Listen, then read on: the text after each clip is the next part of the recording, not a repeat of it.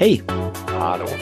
Jag ska börja med att tacka Agile People för att ni är med oss. Gå in på agilepeople.com eller följ länken som ligger i avsnittsbeskrivningen så kommer ni till kursutbudet. Eh, du skulle lära mig, eh, vad heter det nu då, Pomodoro-metoden, heter det så? Ja, Pomodoro, exakt.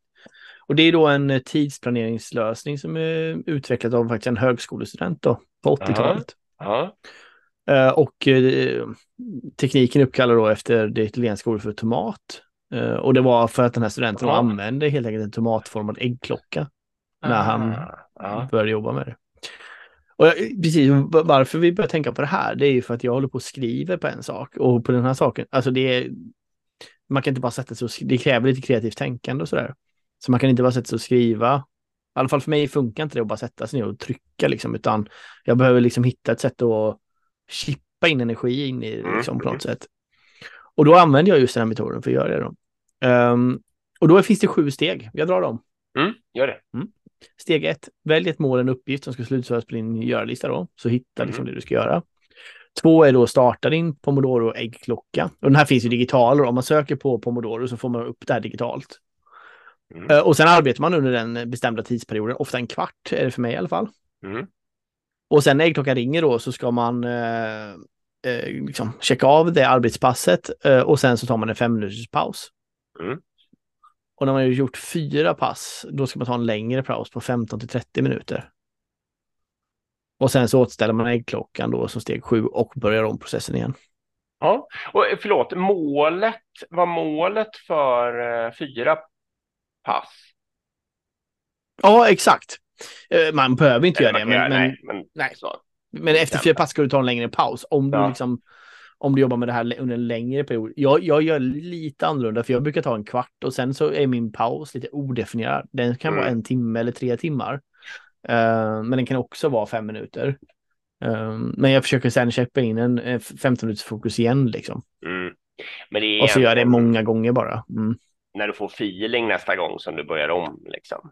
Ja, lite så är det för min del. Um, men jag försöker ju skeppa in sådana här, alltså de här 15 minuters, nu, nu försöker jag öka på lite farten. Mm. Börjar närma oss deadline liksom, så jag behöver mm. öka, öka på farten. Så innan kanske jag gjorde två om dagen och nu, idag kanske jag lyckats göra sju eller åtta sådana mm. 15 mm. minuters pushar liksom. Kanske blir en till efter här, vi får se. Klockan är 22 nu, så det börjar bli lite sent. Men... kanske blir en push till, vi får se. Men egentligen är det ju då att, eh, vad ska man säga, lura hjärnan, va? Alltså, alltså lura sig själv, eller kalla det vad du vill, men man skulle kunna använda ordet lura, eh, att det här kommer inte vara så farligt, för man kan, man kan överblicka hela den här tidsperioden, den är så pass kort och då vet man att jag kommer inte gå under av att liksom köra under den här perioden. Jag ser att den håller på att ta slut. Jag kan gå med full energi liksom. Mm, det är det. Eh, mm.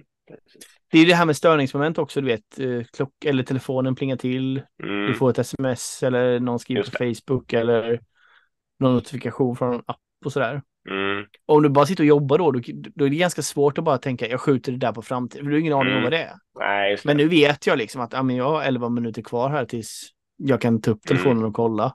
Och då kan man skita i det. Och det gör att man får ännu mer fokus och energi då just mm. på de här minuterna. Ja. Just det. Nej, det är smart. Eh, passar ju säkert för, ja, det passar nog för alla möjliga arbetsuppgifter i och för sig. Jag tänkte säga skrivande, men det passar nog för mycket annat också. Ja, så men det tror jag. Men, men just det här skrivandet har det funkat bra för mig på. Det är det jag använder det som mest, att säga.